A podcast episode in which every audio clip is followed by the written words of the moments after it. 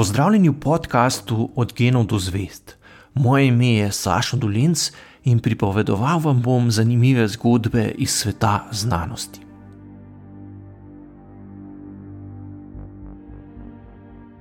Osemindvajsetega februarja 2003 so iz manjše zasebne bolnišnice v vietnamskem Hanoju, ki je imela vsega 60 bolniških postelj, poklicali lokalni urad Svetovne zdravstvene organizacije.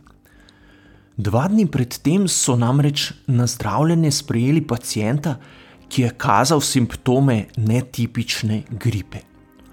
Za vsak slučaj, da bi izključili morebitni primer ptiče gripe, so prosili še tuje strokovnjake z več izkušnjami, da preverijo, za katero bolezen gre.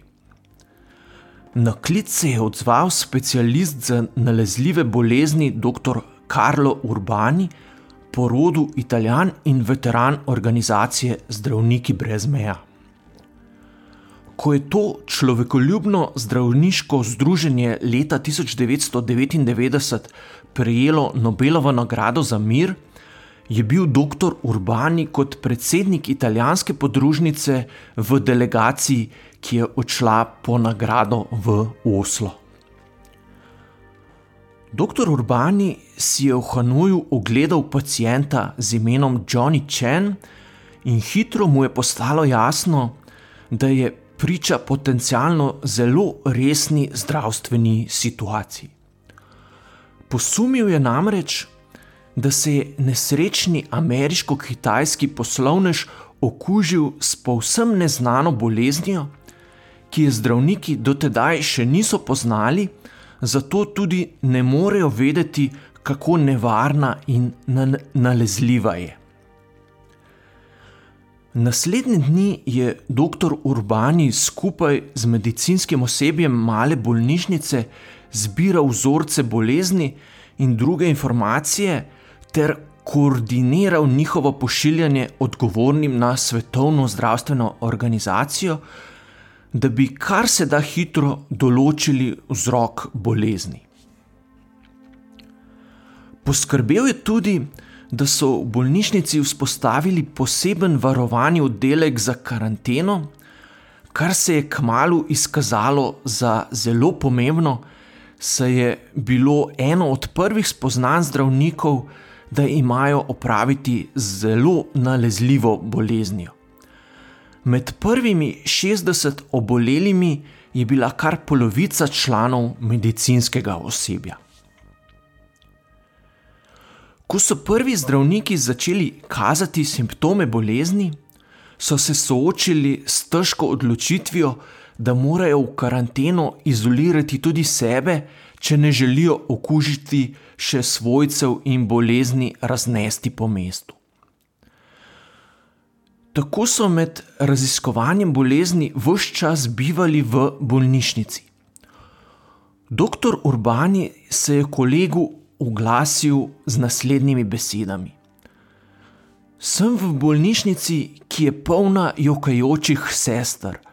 Ljudje begajo, kričijo in so povsem preplašeni. Ne vemo, za katero bolezen gre, a ni gripa. Vendar se noben od ukrepov, ki jih je sprejelo zdravstveno osebje v bolnišnici, ni izkazal za pretiranega. Ugotovili so namreč, da gre za novo virusno bolezen, ki ni bila le zelo nalezljiva, ampak tudi zelo nevarna. Tega prve tedne sicer še niso vedeli, a kasneje se je statistika pokazala, da je umrl kar vsak deseti oboleli. 9. marca so imeli pri Svetovni zdravstveni organizaciji že dovolj informacij, da so se sestali z najvišjimi predstavniki vietnamskih oblasti in jim predstavili resnost situacije. V bolnišnico so prispele tudi strokovne ukrepitve iz tujine, ki so imele s seboj vso opremo, ki so jo sicer uporabljali za študij najbolj nevarnih in nalezljivih bolezni, kot je naprimer ebola.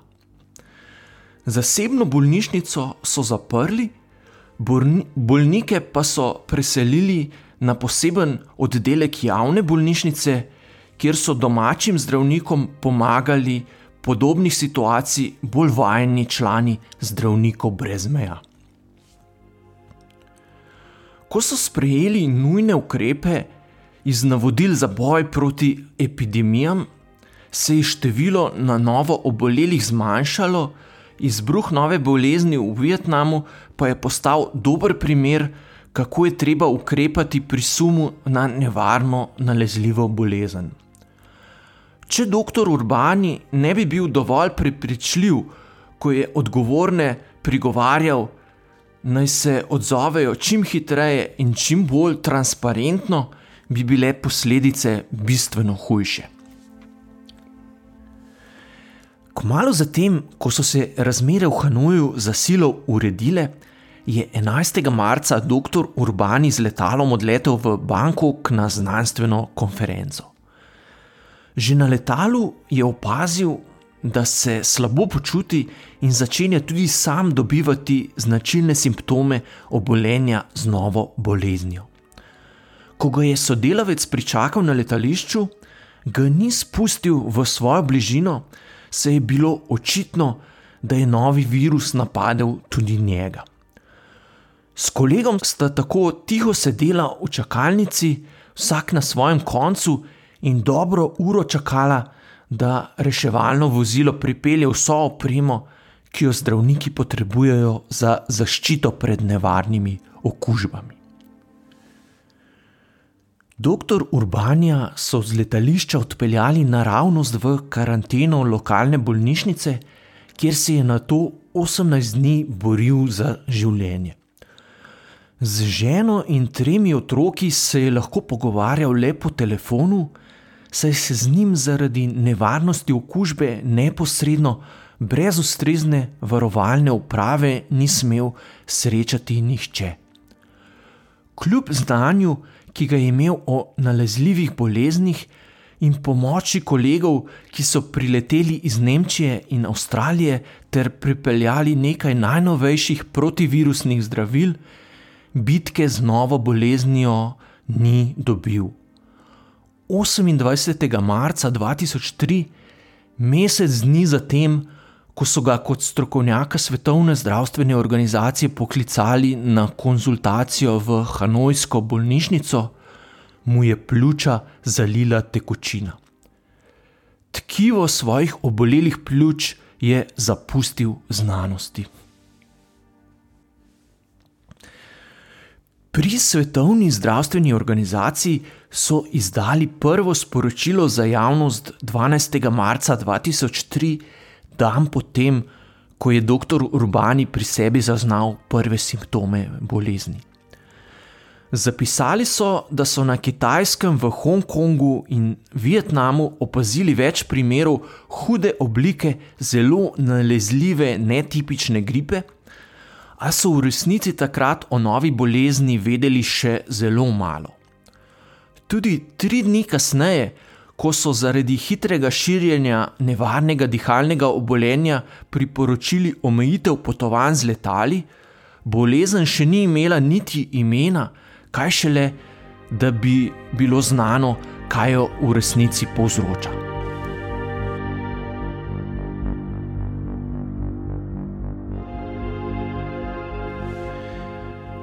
Strokovnjaki so najprej sumili, da gre za spremenjen virus gripe, na kar so kazali simptomi bolezni, vendar so laboratorijski testi te domneve ovrgli. Ker so bila pljuča umrlih zelo poškodovana, so se pojavila ugibanja, da gre morda celo za pljučno kugo, a ker zdravljenje z antibiotiki ni delovalo, so opustili tudi to hipotezo. Kmalo so si bili znanstveniki enotni, da gre za prvo hudo bolezen, ki so jo odkrili v 21. stoletju.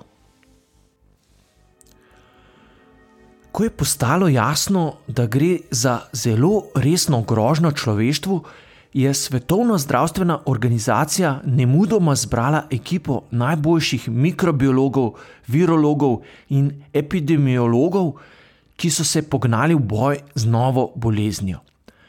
Enajst vodilnih laboratorijev z vsega sveta je dobilo nalogo, da čim hitreje določi povzročitelja bolezni in razvije zanesljiv diagnostični test.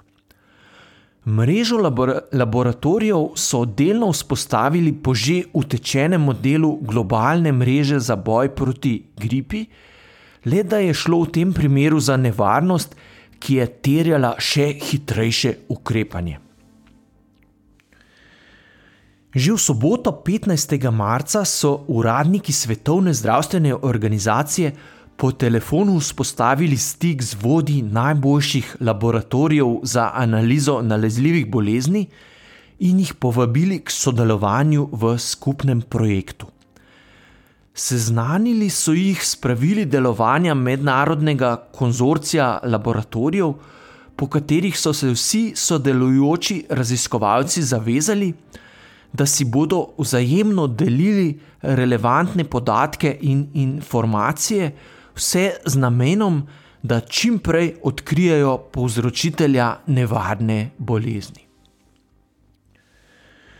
Dogovorili so se, da lahko vsak v javnost posreduje le svoje rezultate, ne pa tudi dognan drugih laboratorijev, ki so mu v okviru sodelovanja dostopni. Znanstveniki so imeli vsak dan videokonference, na katerih so si izmenjevali mnenja in interpretacije, hkrati pa so pri Svetovni zdravstveni organizaciji vzpostavili varovano spletno stran, na kateri so objavljali meritve, protokole, teste in slike, posnete z elektronskim mikroskopom.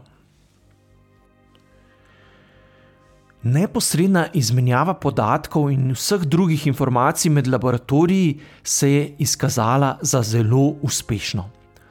Ob aktivnem sodelovanju preko telekonferenc in izmenjevanju podatkov po internetu so že v začetku aprila ugotovili, da bolezen povzroča nov virus iz družine koronavirusov, ki ga prej še nikoli niso opazili ne pri ljudeh, ne pri živalih.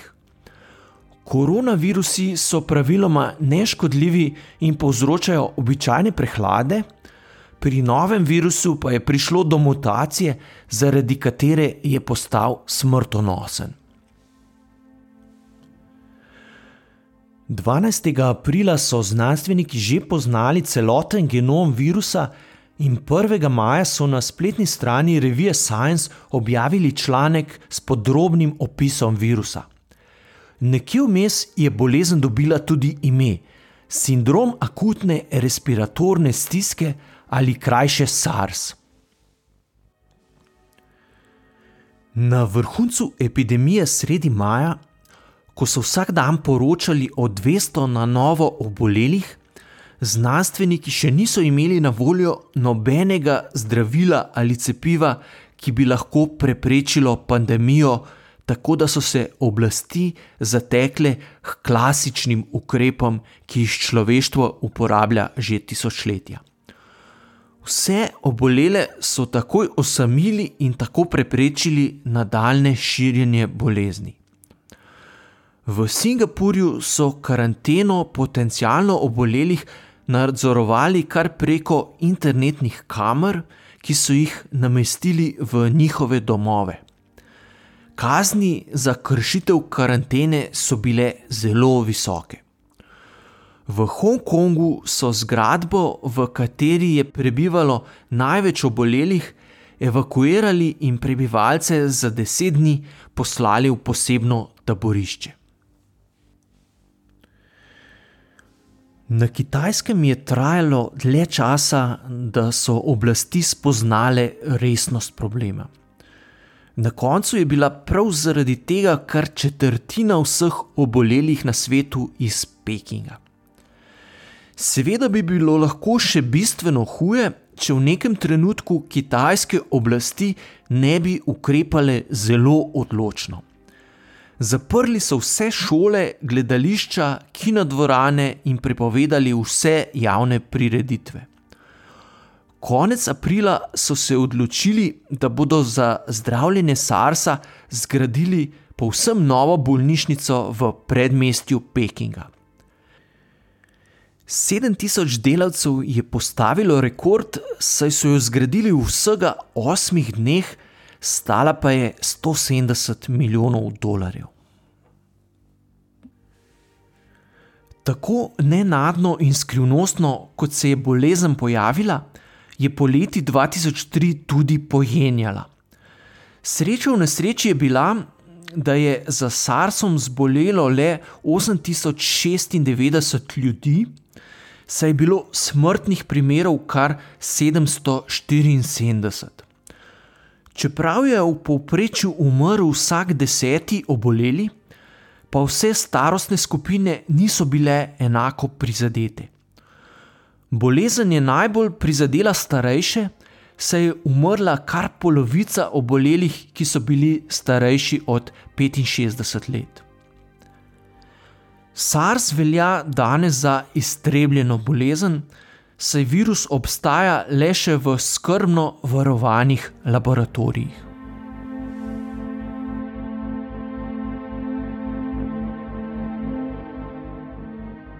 To je bil podcast Od genov do zvest. Moje ime je Saša Dolence in z novo zgodbo se vam oglasim že k malu.